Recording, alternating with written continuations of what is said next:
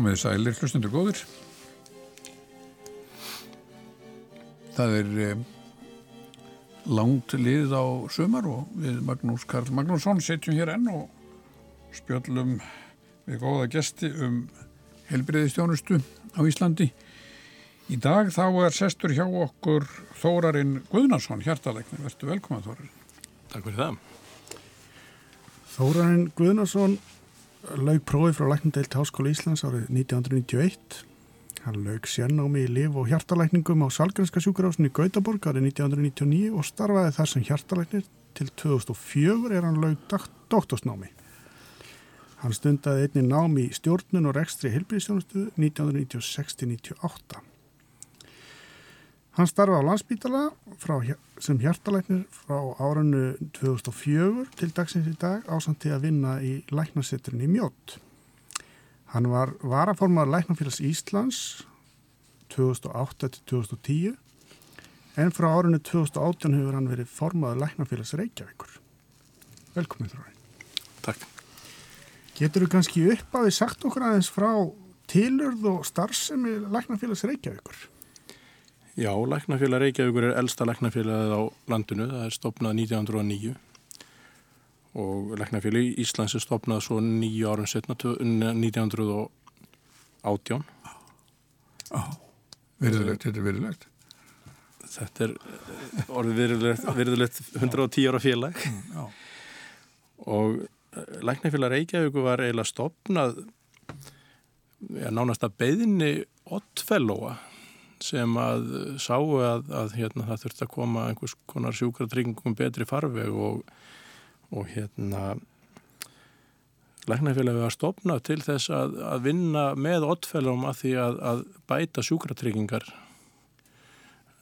landsmanna í rauninni mm. reykvíkinga fyrst og fremst á þess, þessum tíma og, og setna meir þá taka sjúkrasamlögin við þessu hlutverki oddfælóana og, og eru þá mót aðri læknafélags Reykjavíkur í því að sjá um einhvers konar tryggingar og greiðslur fyrir veittarlæknistjónustu og setna tegur tryggingarstofnun ríkisins við þessu hlutverki og nú síðast á þessari öld sjúkratryggingar Íslands. Mm. Allan þennan tíma hefur læknafélag Reykjavíkur verið þá samningsaðili eða mót aðili í, í þessu, þessari annar styggs þjónustu sem maður getur kannski kallað sem að einhverju hluta þannig í byrjun var nú bara einstyggs þjónusta. Þarna voru, var held ég alveg framundir svona 1970-80 þá var nú fyrst og fremst uh, allir læknar að sinna svona heimilisleikna þjónustu og verðulegi skurðleiknar á spítalun voru með sitt samla út í bæ. Þannig að það, það, er, það er rík saga í þessu og, og alls konar hluti sem hafa gerst en Læknafjöla Reykjavíkur hefur verið þarna mjög lengi þannig að þegar að þegar að fara í skipilagsbreytingar og Læknafjöla í Íslands núna nýverið þá var ríkur viljið fyrir því innan félagan að halda þessu nafni. Sumi vildu að það erði endur skýrt og kallað félag sjálfstastarfandi lækna eða eitthvað slíkt. En ég held að það verið gæfuspor að halda nafninu ekki síst upp á söguna og, og, og þessi menningaverðmæti sem í félaginu kannski líkja. Mm -hmm. en, en eru félagsmenn fyrst og fremst sjálfstætt þarfandi sérgrænalegnar eða, eða annars stygg í þessari, þessu öðru stígi heilbriði þjónustunar? Já, þetta eru fyrst og fremst þá læknar sem er að, er að sinna uh, sérfræðalegningum út í bæ en mjög margir þeirra eru líka að vinna í hlutastarfin á spítalunum mm. og við höfum svona sagt að við viljum gerna svona, já sinna, sinna þeirra málefnum líka. Og hérna uh, en í raun og veru getur maður sagt að uh, Læknafélag Reykjavíkur í dag er undir félag Læknafélags Íslands. Þannig að allir læknar, bæði sjúgráðslæknar, heimilislæknar og almennir læknar á samt sérfræðilegnum eru í Læknafélagi Íslands og skiptast og í þessi, þessi undirfélag þannig að félagi kannski ekki lengur sko, einhvers konar sjálfstæður aðil eins og var hann í byrjun En já, við fyrst og, við sjáum fyrst og fremst um hagsmuna gæslu og, og reynum að láta gott á ykkur leiða í þessari annarstyks þjónustu, í sérfræði þjónustunni, í þjónustunni sem er veitt e, út í bæ eins og kallaðir eða á stofu. Þetta, þetta, ma maður segir stundum að kært barn hefur mörgun öfn á sænskunni og, og, og þessi þjónusta hún er vinsal og, og hérna, þykir oft góð og hérna, hún er kölluð um svo nöfnum. Mm. E, til að rifja upp fyrir hlustendum, þetta konum kannski hér fyrir sömar þá þarf við rættum e, helbriði stefnu að, að þessi skipting, þrískipting þar að segja, fyrsta lagi var ekki Magnús, heimilislegnar og hilsugjæslan og svo annar steg væri þá sérfræði þjónusta utan háskólasjúkarása og svo þriðast steg væri þá háskólasjúkarásin sjálf þá aðalega landsbítalinn einni að einhverju, einhverju leiti sjúkarási aðkvörði mm. og þá veldi maður því fyrir sér hvað getur þau sagt okkur svona sem svona mest áberandi fórsvarsmaður aðila í annar stígi öðru stígi helbíðistjónustu hvað getur þau sagt okkur um umfang þessara starfsemi? Þetta er tölvöld mikil starfsemi og vaksandi. Uh, til að nefna einhverja tölur þá get ég sagt að það eru 500.000 komur til sérfræðilegna utan spítala á ári eða réttar að setja sérfræðilegna uh, á samningi eða í starfi fyrir sjúkratryggingar Íslands. Um, því þetta er veitt þjónusta líka á spítulunum á göngudeldum og slíkt sem er líka að vissuleiti annarstegs þjónusta og það er heimsóknir til dæmis hér í Reykjavík við landsbítalan er kringum 240-250 þúsund þannig að þetta er tvöfalt það sem er uh, gert á spítalanum. Uh, og líka til að fá einhvern samanburði í þetta þá eru heimsóknar til heilsugjæslu höfuborgarsvæðin sem næri yfir allt höfuborgarsvæði þær eru kringum 250.000 líka þannig að sérfræðingar út í bæ sjá álíka marga sjúklinga eða sinna álíka mörgum heimsóknum eins og bæði heilsugestan og landsbítanir til samans. En þarna er nú kannski þarna eru nú kannski ágreinismálin upp í einmitt um þetta skipulag, þetta fyrirkomulag mm -hmm. að, að hvort að e, þessar mörg, þessar þessi fjöldi sem þú nefnir sömur myndu vilja tólka það þannig að þetta sé, það sé, það sé fylgistengin með þessu og þetta sé bara eitthvað sem þetta sé svona einhver hvað að segja eh, jáfnveil ágóða drifin starfsemi, þessi læknar bara vilji læknar sem allra mest og það sem allra flesta og sem oftast. Já, ég held að það sé bara allránt og eh, getur svo nefnt ímisrauk fyrir því mm. Um, þau fyrst eru kannski að ef maður telur með rangenrannsóknir og blóðrannsóknir þá eru sennilega einhverstara millir 70-80% þess sem er verið að gera gert á tilvísin í dag. Byggðtími til margra sérfræðinga eins og hefur komið fram í fréttum er 3, 6 eða 9 mánuður og í þeirri stöðu þá er það nú ekki þannig að menn séu að kalla mikið af fólki til sína óþörðu því að pressan er náttúrulega gríðarlega á það að sjá nýja sjúklinga og ný vandamál og, og menn eru þá að reyna að bjarga því fyrir hotn með því að lengja dagana eða sjá einhvern í hádegin og svo framvegis og það er ekki kannski vinnulag sem neitin vil til lengdar. Það er auðvitað á, hægt ábyggilega með góðum vilja að sjá einhverjar heimsókn til sérfræðilegna eins og allra annara lækna sem væri hægt að sleppa ég hef nú sagt stundum að ég hef nú meiri áhyggjur af þeim sem komast ekki að mm. það er að segja að ég hef meiri áhyggjur af vannlækningum heldur en oflækningum oh. uh, og við getum kannski rætt það betur á eftir en, en hérna en ég held að uh, þetta sé nú þannig að það eru allir með góða mentun og er að reyna bara að sinna sínu starfi samkvæmt lækna eðinum mm og eh, hérna almennum siðferðisreglum mm. og hérna við höfum verulegar hérna, verulegt eftirlit með þessu kerfi þó að stundum talaðum eins og það sé ekki neitt menn þurfa að uppfylla gríðarlega mörg skilir bara til að geta opna stofu það þarf að, það þarf að vera hérna, heilbriðis eftirlit þarf að gefa sitt hérna leifi og landlæknir þarf að gefa sitt leifi, menn þurfa að hafa sérfræðiréttindi og svo framvegis, menn þurfa að komast á samningi á sjúkratryggingum, þannig að sjúkratrygging ger ákveði mat líka og svo eru þetta hægt að ræða það hvort það mæti hægt að vera meira eða stífara. Mm. Þannig að þetta er ekki neitt svona vilda, vilda vestrið í? Nei, það er það í raun og veru ekki sko. Hérna, núna erum við reyndar utan samnings og að vissuleiti þá er kannski meira vilt að vestri þá því að þá kannski gild ekki allar þær reglur sem var samið um áður. Það er þá staðan eins og hún er núna, hún er nú reyndar svo að við vinnum með sjúkratryggingum og yfirvöldum og hérna uh, sendum mér þessar rafræna reikninga þannig að sjúklingarnir þeir finna nú ekki mikið fyrir þessu.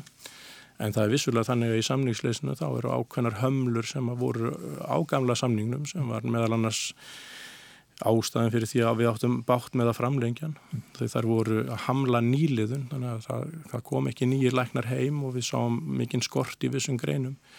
En það er hömlur gild ekki núna, þannig að vissuleiti er ástandi eins og það er núna með samningsleysi, myndi ég segja, kannski skinsanlega heldur en þetta ástand frá 2015 til 2018 þegar það var bara sett algjört stopp á nýliðun hvort sem að læknara vantaði ekki. Þannig, já, þannig að þannig að þetta auðvitað leiðir hugana því hversu uh, hvað að segja, hversu alltæk eh, sko ný heilbreyðistefna er já, já. sko hvort að, hvort að, hvort að yfirvöld sem, sem ber ábyrð á heilbreyðistjónust í landinu uh, sko að sinna þeir altså eru þeir ofbundir að, að um, hvað að segja uh,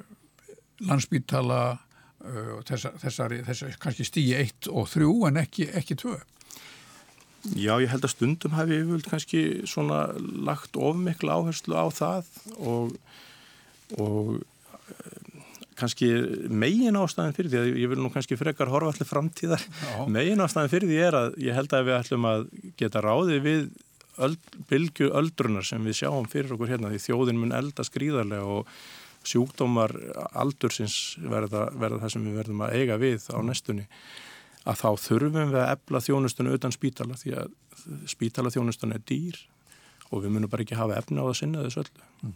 og, og hérna þess vegna held ég að það þurfa að setja mjög mikinn kraft emitt í stefnumótun í annarstiks þjónustunni og það á að vera hún sem vex mest.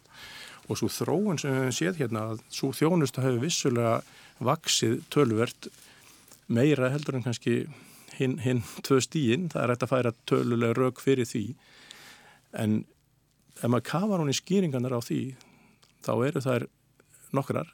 Svo fyrsta er þessi tæknibilding sem er að verða hvort sem okkur líkar betur að verða og ég get nefnt ykkur dæma og eftir því, því að þið viljið. Mm. en kannski ekki síður að eftir kreppuna hérna þá var farið í spartnað á spítalunum og það var farið í spartnað á helsugjastlunni og þar var, voru mönnum bara settu stóllin fyrir dyrnar og sömt af þessum sjúklingum leitaði til sérfræðilagnar stofu sem höfðu sem betur fer, segi ég, tækifæra á því að auka við sig og sinna þessu fólki sem hefði annars bara lent fyrir utan garð, kannski ekki fengið þjónust og lent inn bráðvekt í staðin og kosta þá miklu meira. Ég get nefnt bara sem dæmi að þegar samt í Jósefsspítala var lokað 2011, kjölfar hrunsins, mm. Að þá kom svo þjónustan ánast öll inn á samning sérfræðilegna við SI og og var tölverð, tölverð stór skýring á aukningunni sem varð á því tímabili. Um, en það má nefna það var loka sérfræði þjónust á fleiri stöðum. Í Keflavík var dreigið úr henni til dæmis og, og það mætti nefna fleiri svona sérstæk dæmi eða vill en, en almennt sé þá, þá dró úr þjónustunni á spítalanum og á helsuskestunni af skiljanlegum ástæðum. Og sem betur fyrir þá var, var hægt að hérna að sinna þessu að einhverju leiti þarna því sem var mest nöðsin á. Mm. og ég get nefnda bara sem dæmi að á sínum tíma þá, þá var, gerðum við svona litla könnun hjá okkur í læknasitrinu á hjartalækningum og ég held að það hún svo sem gildi nokkuð í dag og, og menn taka hana bara fyrir það sem hún er við skoðum 500 samskipti og þar kom í ljós að að það voru sko um það byl um það byrj hérna 11% af sjúklingunum sem við mátum þannig að hefðu alveg geta farið til heimilisleiknis eða eitthvað annað. Mm. Hinn 90% voru sjúklingar sem höfðu fengið kransaðastýplu og lendi í uh, hlutum eða voru með sjúkdóma sem þurftu meðferð sérfræðings, voru á livjum sem þurftu sérstakt eftirlit eða bara hjartalæknar máttu skrifa út livin fyrir eða eitthvað slíkt. Uh, meðal, að meðaltali voru þessi sjúklingar með þrjár greiningar frá hjarta. Og af þessum 11% sem við mátum þannig að gæti í rauninni hefði ekki þurft að vera hjá sérfræðingi þá kom í ljós að meirinn helmingur þegar ef ég man rétt tölunar hafði verið vísa til hjartalegnis Já. af öðrun lækni, ekki bara heimilislegnum heldur líka frá öðrum. Já. Við, nú myndist aðeins á eftirlit sjúkratrygginga og landlæknis. Já.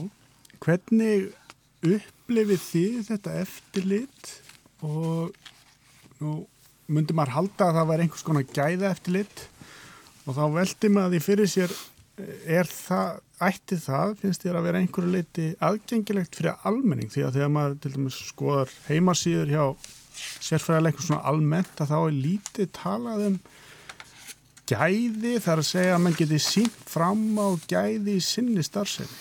Já, mér er nú gæða mál hugleikin og, og hérna ég hef unnið í þeim tölverð mikið og innleiti til dæmis fljóðlega eftir að ég kom hérna heim eða var í forsvaru því að innleiða hér gæðaskráningu í mitt í hjartaþræðingum og gransaðavíkunum og, og hjartaskurlækningunum líka. Og, og þá á spítalunum á spítalunum, já. og hérna ég verði að segja það sko að mér finnst þessi gæðaumræða svona stundum vera daldið svona fyrir sparifötin sko. Ræður, ræðum á háttíðstögum vegna þess að sérstaklega í, í efnahagsraunin og eftir það þá varði ekki, varði ekki var við mjög mikinn stöðning við þetta sem var verið að gera og var vel gert hérna, það, var, það er hérna, grunnur í HVF og í gíktarleikningum og nýja aðgerðum og fleira og fleiru en áhugin á sko að heyra um þetta þá er ég að tala um heilbriðis yfirvöld kannski ráðunetti og einhverjum tímabyrjum landlæknis var, það var ekki mikill áhuga að heyra um þetta og byggja ofan á það sem var verið að gera kannski að skilja hann um ástæðum það voru ekki til miklu peningar og svona sko. en, en hérna uh, það hefur bara margt verið mjög vel gert og, og hérna en það kostar peninga og svo vil ég alltaf segja að það má ekki gleyma því að sko bestu gæðamálinn eru velmenta starfsfólk sem fær góða endurmöntun og nýtir þá þekkingu í þáu sjúklingana á besta hátt. Mm. Tekur þátt í að skrifa klíniska leiðbynningar um, og kemur með hérna, sína þekkingu þannig að hún komi fram í samfélaginu og smitist út og, og það veitir aðhald og þá veldur maður fyrir sér er mikill stuðningu til mjög stað að auka við símentun og endurmentun helbreyðist þetta? Mm. Nei, það er kannski ekki alveg þannig því að það er þvert á móti. Læknar hafa í sínum kjarasamningum um, ákvæði um endurmentun og símentun og fjárveitingar til þess en það er sífælt þegar verið að semja við ríkisvaldið verið að reyna að kroppa í það og ferðapenningar hafa til dæmis verið dregni niður, ráðstöfnugjöld þar hafa verið sett þög, þannig að í dag komast menn ekki einu svona á bestu ráðstöfnunar. Af hverju erum við ekki að tala um þetta í gæðaumræðinni? Það er vissulega hægt að setja upp einhverja gæðavís og Læknafélag Reykjavíkur hefur reyndar gengið fram fyrir skjöldu þar og núna síðustu tvö árin sett fram gæðavísa bæði sértæka gæðavísa sem er þannig að hverja sérgrein og við, okkar sérgrein er allar að vinna í því Við hefum búið til þjónustu könnun í ákveðinu forreiti sem bara tilbúin til þess að setja á stað. Við hefum ekki gert það út af samningsleysi og öðrum slíkum praktískum hlutum. Og við hefum líka sett fram lista með gæðastöðlum almennt sem ætti að vera almennir fyrir, fyrir alla sérfræðilegna. Og hérna, þannig að við hefum gengið þarna fram fyrir skjöld og reyndar núna síðasta árið eða meira átt mjög gott samstarf við um eitt landlæknisembættið um þetta og erum núna í viðræðum við sjúkratryggingar Íslands líka og þar ber þetta líka á góma sem betur fer. Þannig að, hérna, að við, við styðjum þetta helsugar en ég svona vara við því að menn einfaldi þetta og mikið og get nefnt sem dæmi að að sko að hafa einhvern gæðavísi það segir ekkit allt. Og getur til dæmis haft gæðavísi sem er núna í helsugjastlunni að því að það er komin, er komin gæðavísar inn í rekstramótil helsugjastlunar og það er að hérna, livjalisti sé yfirfarin tvísar á árið eitthvað slíkt. Mm. og þú getur farið yfir livjalistan og þú getur haka við að það hafi verið farið yfir livjalistan en það getur samt verið að það hafi ekki orðið til þess að einhver, einhver atriðið agnúar sem er á livjalistunum þeir hafa kannski ekki verið leiðréttir eða gerða breytingar sem voru til eins verra. Þannig að það er ekki trygging fyrir gæðum að haka í eitthvað boks mm. og við mögum aldrei láta það koma í staðin fyrir þessa, þessa grunn, þessi grunnatriði sem er góð mentun. Eh, við getum líka að tala um vinnu aðstöður, að fólk hafi aðstöðu og tíma til þess að vinna vinnuna vel. Eh, við getum talað um það að helbriði starfsmenn í dag hafa lendi í því að vera settir í ómögulega aðstöðu og verið kerðir til lögreglu fyrir uppákomur sem síðan hafa gerst í vinnunni. Oh. Það, er ekki, það er ekki góð stað að vera í henn, slíkri stöðu að, að vinna erfiði störf oh. menn þekkja kannski þessi málur fréttum þar sem að hafa orði, orði að vel málaferðli og slíkt sko. Þannig að þarna segi ég að við þurfum, við þurfum, við megum ekki ofur einfalda þess að gæða umræðu. Hún þarf að ná alla leið. Mm. En myndur þú vilja sjá að þessi, þessi gæða umræða myndir ná líka til notandans? Það er að segja að þetta er aðgengilegt fyrir notandans. Já, ég svaraði ekki spurningunni þinni. Og, en ég hef líka svaraði henni vegna þess að það, það er mjög æskilegt að notandin hafi uh, upplýst, geti tekið upplýst ákverðunum hvert er vilja leita.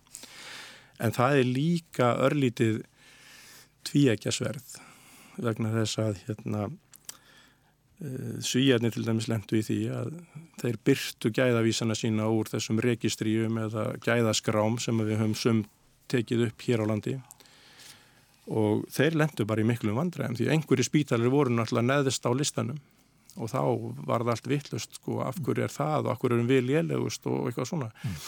og þá geta verið alls konar skýringar á því sem þarf að taka tillit til og er erfitt kannski að útskýra fyrir almenningi.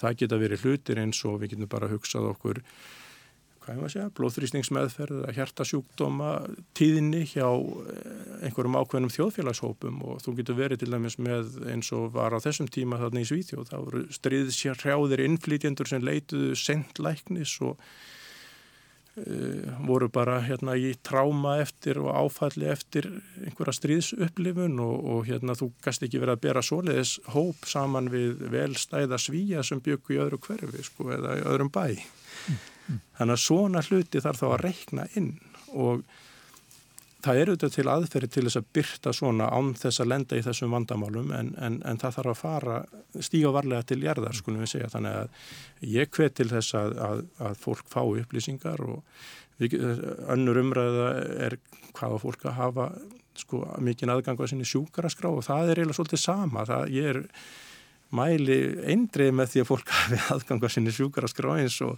skinsanlegt er. En við verðum þar líka til að átt okkur á því að, að sjúkaraskráin er líka vinnutæki helbriðis starfsfólks og lækna. Og um leið og þú getur ekki sett hluti í sjúkaraskrá sem þú kannski að hugsa um eða pæli, kannski ætti ég að gera þetta næst, gæti þetta verið þess þetta vandamál?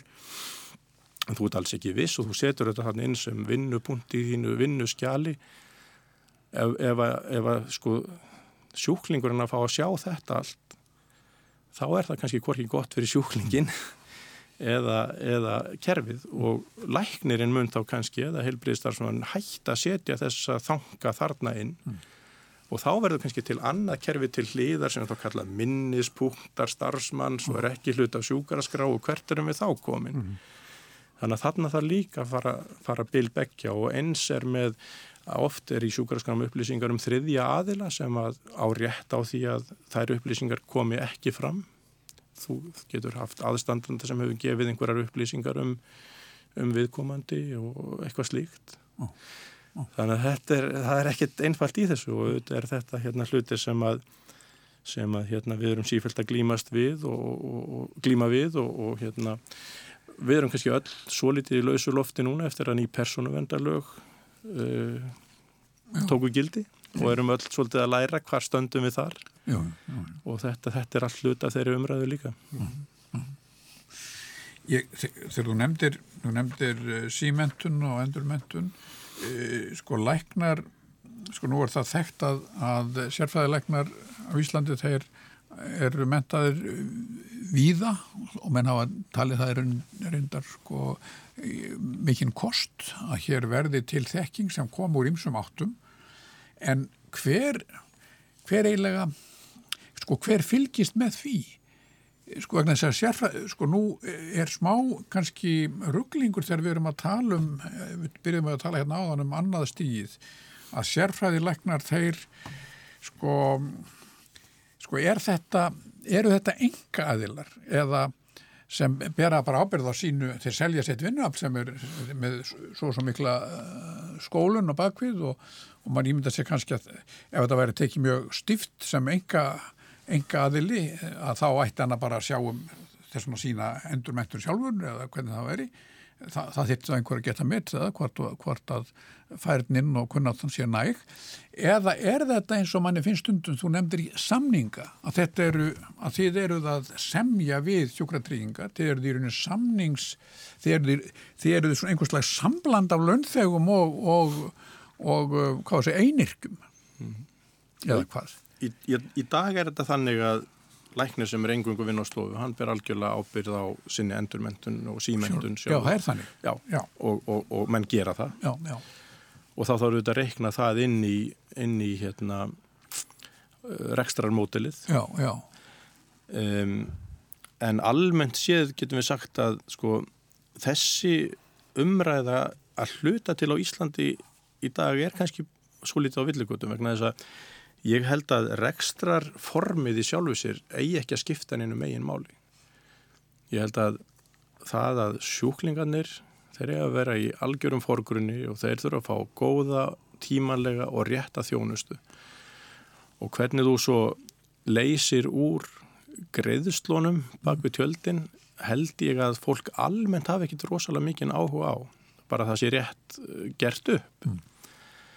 En akkurat hvort að þess eða hinn stendur í forsvari fyrir rekstrinum er kannski ekkit sko mjög áhugavert og ég held að það eru mér þess að til kannanir sem benda til þess að Íslandingar þeir vilja gætna þetta blandaða kerfi sem er hér og að sömuleiti er það vaksið út frá smæð þjóðarinnar.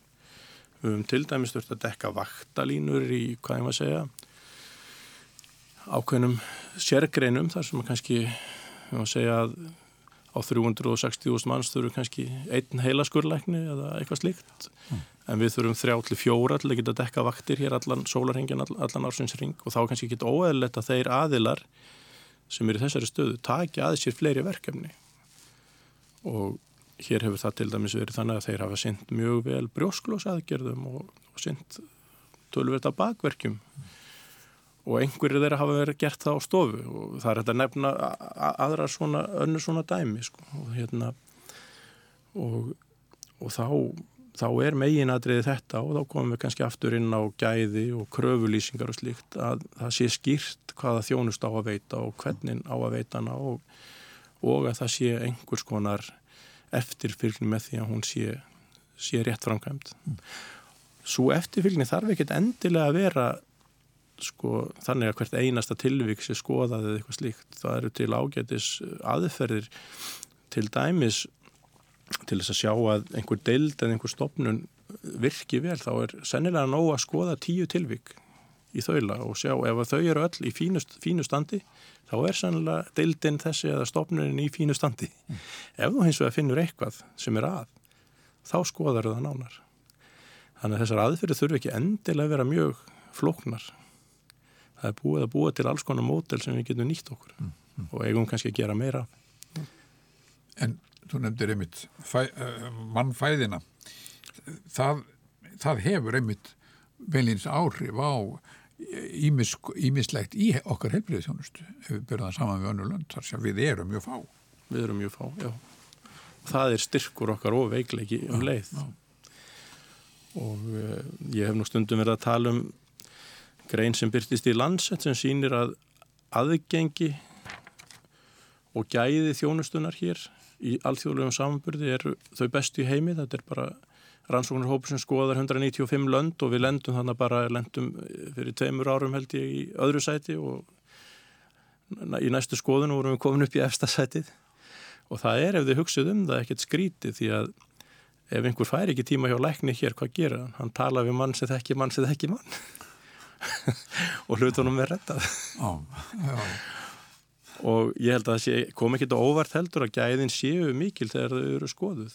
Og þannig er verið að tala um sko, bráða tilvík, bráða, bráða þjónustuna uh, því við höfum velmentað fólk og við erum rík þjóð og, og, og hérna heilbriðiskerfið okkar er gott og mér finnst það stundum gleymast í umröðinu og hef nú svona aðeins verið að segja það í viðþölum undanfarið að gleymum því ekki að heilbriðistjónustan okkar hún er mjög góð þó það megi auðvitað gera betur já. Spurningi hvort að, hvort að það, einmitt þessi, þessi sjálfs ánægja, þessi ánægja með þjónustuna sé varhuga verða til eitt til að menn sopna á verðin. Fælst einhver að hætta í því.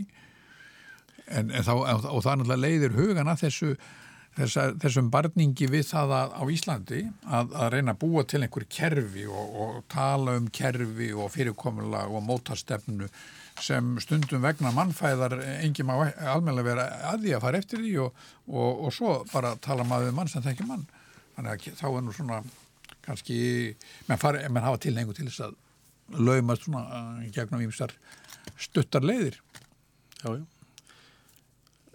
Mér finnst alltaf gott að horfa á heil, stóru heildæmyndinu og staðreindin er svo að við setjum samt þrátt fyrir þetta sem ég var að segja hérna á þann ekki nema 7-8% af vergri landsframleyslu í heilbreyðiskerfið okkar. Og svona helstu þjóði sem við viljum bera okkur sama við setja 10-11% við erum að horfa hérna upp á og það finnst mér eitt af því til dæmi sem að ég saknaði í heilbreyðistefninu við erum, erum ekki að horfa á það að starfsfólkið okkar er að brenna út kulnun í starfi er gríðarlega algeng meðal helbreyði starfsfólks. Mm. Af hverju er það? Það er ekki bara beinlinni, það er, menn eru pískar áfram, áfram og fáir. Sennilega, sennilega. Og ég held að, sko, Kári Stefansson gerði nú svona ákallt til þjóðarinnar sem var vel svarað og ég held að fólk vilji setja peninga í þetta og ég held að stjórnvöld þurfi að gera það. Auðvitað þarf að fara vel með þá pening og það þarf að vera vissum að það fari í þá hluti sem þarf. En, en kannski er kerfið okkar núna verða daldi loftlust, það vantar þetta sem við kallaðum lofti í kerfi til þess að það sé hægt að mitt að bregðast við þessum toppum. Mm. Og ef við erum bara með gjörgjæslu til dæmis sem getur bara akkurat sint því sem er svona þegar allt er í lægi þá ver, erum við í vandraðum ekki satt Magnús, þú þekkir þetta nú enn betur en ég þegar, þegar uh, flensufaraldrin kemur eða stórslýsið verður eða eitthvað slíkt sko og hérna og allt fullt. Og allt er fullt. Og, en, en hvað en hvernig stendur á því að þjóð sem vill endilega sem, er, er, sem vill endilega setja uh, mikla peninga í, í helbreyðiskerfið gerir það ekki, er það þá stjórnmálmenni sem sem altså vilja nota penningin í hvaðna. Hvar er, hvar er, er hálsin? Hvar er flöskuhálsin? Já, ef ég vissi það þá finnst ég svona nófusvelunin í hérna hagfræði. Já, já. En það er einhver svona mótstaða. Auðvitað er þessi mýta, það er endalust að dæla pening í heilbreyðiskerfið og það, er, það tekur endalust við og það getur vel verið að það sé alveg rétt. En það er líka dýrt að missa fólk með 20 ára mentun í kulnun. Þannig að ef þú sparar á einu staðnum þá kannski gert að eigða á hin, einhverjum öðrum staði í staðin. Þannig að ég hef ekki svarið við þinni spurningu ævar af hverju þetta er nei, nei, en nei. ég bara bendi á að ég held að við þurfum að auka í og sem betur fyrir nú kannski verið að gera það núna en, en mörgum finnst það kannski ekki vera nóg. Við erum með, höfum sparað í mörg ári viðhaldi á húsnaði helbriðistofnana og sittum upp með stóran bakreikning þar nú í, núna í vandamálum miklu í sumum þessum húsum ja, og, ja. og stóra kostnaði, ja, mikinn kostnaði við að þá lagfæra það og reikningunin kemur alltaf á endanum mm, mm, mm. en hérna Já, en Ef við, lít, já, ef við kannski lítum aðeins til framtíðar aðeins að brjóta þetta upp og velta að því að við erum að tala um að vandi loft í kerfið að ef þú myndir nú búa til þenni heildrænu stefni fyrir heilbyrðiskerfið eða heilbyrðistjónust á Íslandi hvar myndir vilja sjá breytingar og hvar heldur að helstu hindranir sé á þeim vei í þá átt sem að þið í læknifélagi Reykjavík mynduð vilja fara í? Ég held að við þurfum að horfa í rauninni bara til þess sem að er að gerast allstæðar í heiminum og, og við talaðum aldrei um þetta að uh, spítala legur eru kannski ekki það sem að það sem þarf að setja mestu resursuna á næstunni. Við getum hort á til dæmis bara eins og barnadeildin. Það liggja mjög fá börn inni í dag. Þetta er bara hægt að leysa hlutina á göngudeld og, og, og hérna, þetta hafa þeir gert það mjög vel og breytt sínum stóra spítala sem var bara byggður fyrir hvað 25 árum og, og þá voru byggðar hann einhverja legudeldir sem var með töluvert mörgum plássum en ég held að það sé bara 2-3 börn sem liggja inn að jafna þið á hverjum tíma. Þannig að við þurfum að gera svipað, við þurfum að breyta starfseminni í meiri göngudeldastarfsemi og sem betur fyrir tæknin að hjálpa okkur þar. Ég get bara nefnt til dæmis úr mínu fægi hvernig þessi þróun er að, að, að gerast. Og, og það er þá þannig að fyrir bara 5-6 árum þá, þá lagðist fólk inn og hérna lág yfir nótt um, af því það þurft að stingi náran sömur sem voru kannski þrættir mjög snemma að mótni þeir gáttu kannski farið heim um, um kvöldið. En þú varst vikaður og fegst blóðþinandi líf þá, þá varst, varst alltaf að liggi einn og jáfnvel tvo daga. Svo bara breytist tæknin og menn fara að fara í gegnum úrliðin og þar er miklu auðveldar að ráða við blæðingar og annað slíkt og, svo verður þessi þróun og núna síðustu tvö árin þá hefur meiri hluti sjúklingar sem hefur komið bara inn í þræðing og víkun, jáfnvel þó hann hafi verið víkar hefur farið bara heimað kvöldi. Og þá er þetta komin með allt, allt aðra annan veruleika. Þú ert komin með þarna þjóðinstu sem að í rauninni fólk getur komið inn á mótni og farið heim og sofið heim með sér um nóttina. Og þetta er í sko hjartaðgerð og kannski fyrir 20 árum hefði enginn trúaði að þetta væri hægt svona hröð er þróunin. Mm. og, og við getum tekið annað dæmi sem ég þekki vel til og það er með hjartalóku aðgerðir núna síðustu 7 árin hefum við gert hjartalóku þar sem við hefum gert það í gegnum náran byrjuðum á því 2012 og í byrjun þar þá lágu sjúklingandir allir inn í 7-9 daga og, og hérna síðan svona ennfölduðum við aðgerðin eins og bara verið að gera allstaðir í heiminum við reyndum, lögðum okkur límum að vera sko framarlega í flokki þar þannig að við tókum upp allar nýjunga strax. Og við hættum að setja gangráð, við hættum að setja þvagleg og hættum að setja þess og þessa línu. Og allt í einu, núna er þetta orðið þannig að sjúklingarnir sem hafa farið heim eftir stista legu er kannski búin að hafa legi kannski inn í 1-2 daga. Ég held að einn hafi farið heim á öðrum degi og þá þurfum auðvitað við skilir að vera uppfyllt en langt flesti sjúklingarnir kannski fara heim núna á fjórða degi í staðin fyrir á sjönda til nýjönda degi. Og, og sömi líka bara inn í þetta 2-3 daga. Og, og berum þetta svo saman við sko, meðferðina sem var þá fyrir 2010 getum við sagt þannig að það var eini mögulingin var opinn hjertaskurða gerð með sko, ekki bara gjörgjæslulegu í 1-2 sólarhinga og, og það þurfti að opna brjóstið og allt þetta heldur, heldur þýtti það sko líka kannski vikulegu á spítal upp í tíu daga og svo kannski endurhæfingu í þrjár til sex vikur í viðbót sko. Þarna er fólk orðir nokkur rólfært strax um kvöldið og, og, og er jáfnvel bara komið í vinnu tíu dögum setna sko.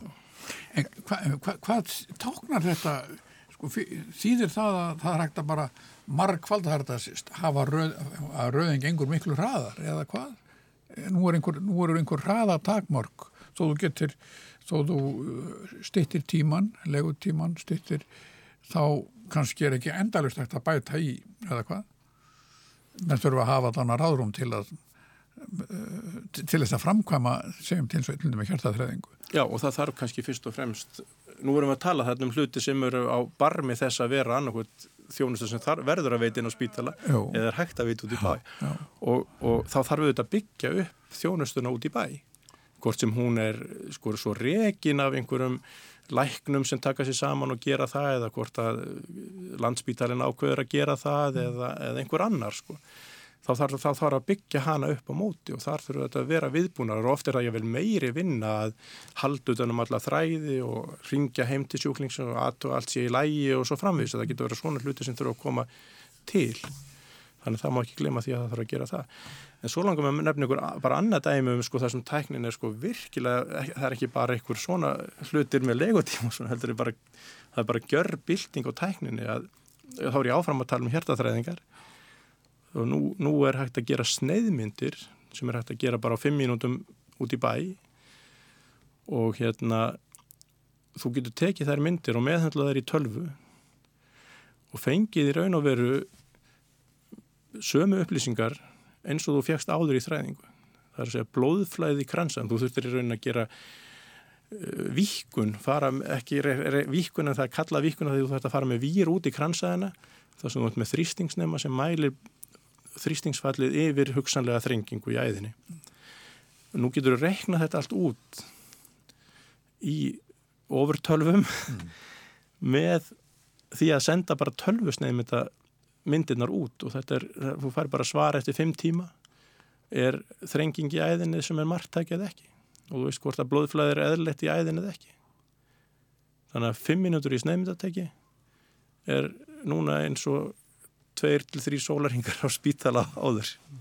Eh, þá er ég að tala um að það þurfa stungin áran og gera þessa eh, aðgerða að setja vír út í kransæðina Þannig að maður getur, í framtíðin getur maður kannski bara komið við einhverstaðar og fengja sér um leið að maður fær með bílinn í skoðun að fara í svona, stinga sér í samband einhverstaðar. Já, það líku við sko, en, og, og þarna verður þetta náttúrulega til þess að þú getur bara, þú sparar þá fullt af fólki sem þarf aldrei að fara í þræðingun á spítala, heldur, velur bara úr það sem þurfa að fara og þarf að vika eða þarf að setja í hjertaskurðaðgerð og þú getur meirið sem þá sagt, ég, ég er að vinna með þetta núna í dag, mm.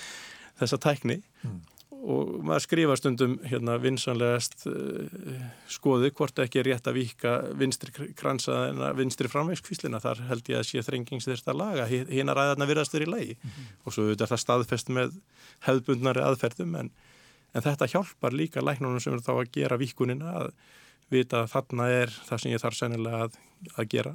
Og það er þetta undibú aðgerina á annan hátt og hafa öðru í sig viðbúnað Ámar ekki verið björnsinn, er það svona? Jú, ég held að við getum náttúrulega verið það. Maður veldi í samt fyrir sér þegar þú ert að segja frá þessu hvort það sé, sé meiri peningar til framþróunar eh, í hjartalækningum heldur en í öðrum greinum eða heldur að séu heldur að séu aðrir eins möguleikar í öðrum sérgreinum eins og þú ert að lýsa hérna í, í hjartalækningum að því að maður þykist vita að það eru gríðarlega miklir fjármunir í bæði rannsóknum og í alls konar tækni framþróun í hjartalækningum og þá veldi maður fyrir sig hvort að þið sama gildum aðrar greinar. Já, ég heldur reyndar að sko framfæriðnar annar staðar hafa orðið meiri heldur enn í hjartalækningum. Ég nefni krabbamennslækningar, taugalækningar, taugalækningar þetta er fag það sem var sko þegar ég var að læra á taugadeildinni þá, þá var aðal hérna aðal í rauninni meðferðin þá var ég á býðum að sjá hann til hvernig þetta verður. En nú eru menn farnir að ná í blóðtappa sem fer upp í höfuð og það eru alls konar liv sem hjálpa, hjálpa við alls konar taugastjúkdóma og ég tala ekki um krabbamenns meðferðina það sem er bara, sko, horfurnar hafa gjörbilst og fullt af þeirri meðferð væri hægt að veit út í bæ og hérna þannig að það er Já, ég held að við þurfum bara að vera með í þessari bylgu og, og megum alls ekki falli þá grefju sem að mér finnst aðeins sumir hafa lendi hérna að horfa bara á einhverja byggingu og horfa bara á einhvern spítala og auðvitað þarf hann að vera til staðar fyrir veikast af fólkið. En ég held að framþróunin og, og, og hérna möguleikanir til að hjálpa sjúklingunum þessum, þessum stóra hópi sem mun lenda inn á okkar borði hann, það, það er, það er, við, ver, við verðum að sinna því fólki út í bæ mm. Þannig að eh, þegar þú segir út í bæ áttu við það að, að breyka þetta allt saman að það verði ekki að mikilvægi spítalanna og ég tala ekki um svona stóra spítala kannski verður ekki eins mikið og, en, en, en það verði hægt að auka mjög á starfsemi í lækningum uh, vegna til dæmis uh, nýtilkomina tækni. Já, já, og sumt af þessu verður hægt að gera bara í helsugjæslinni og alveg á mjög góðan hátt og, og hérna við höfum mörg dæmi um, um hérna svoleiðis meðferð sem að helsugjæslan hefur tekið yfir núna sem áður var synd af sérhæðar læ, eh, læknum eða á sérhæðum deildum en á spítölum jáfnvel mm.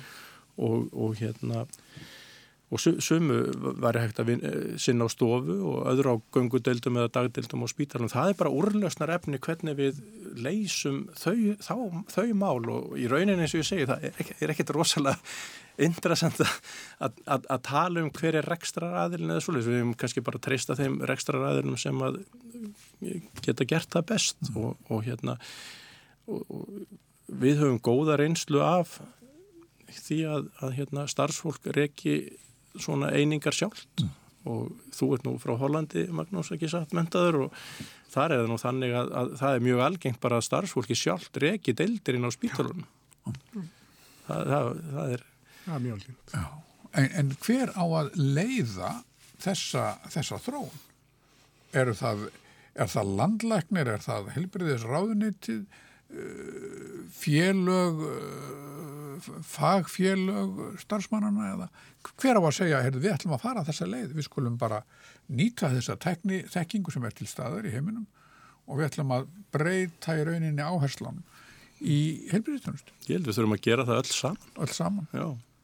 En kannski þarf fagfólkið að hafa meiri fóristu, þeir aðilar sem að, það eru sko, svona ef maður horfir aftur á við þá hefur það yfirleitt verið þannig að læknar hafa komið heim, getum við sagt, með nýja þekkingu, mm.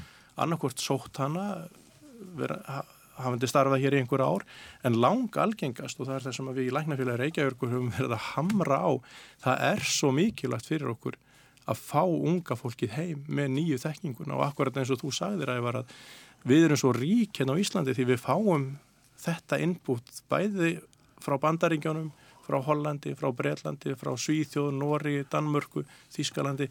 Við fáum þetta innbútt og fáum og getum týnt út bestu hlutina sem að þetta unga fólk kemur með og þess vegna er það svo eigðandi þegar, að, þegar nýliðunin er stoppuð. Þetta er nú, já, þetta, þetta, þetta hljómar alveg svakalega, nýliðunin sé stoppuð.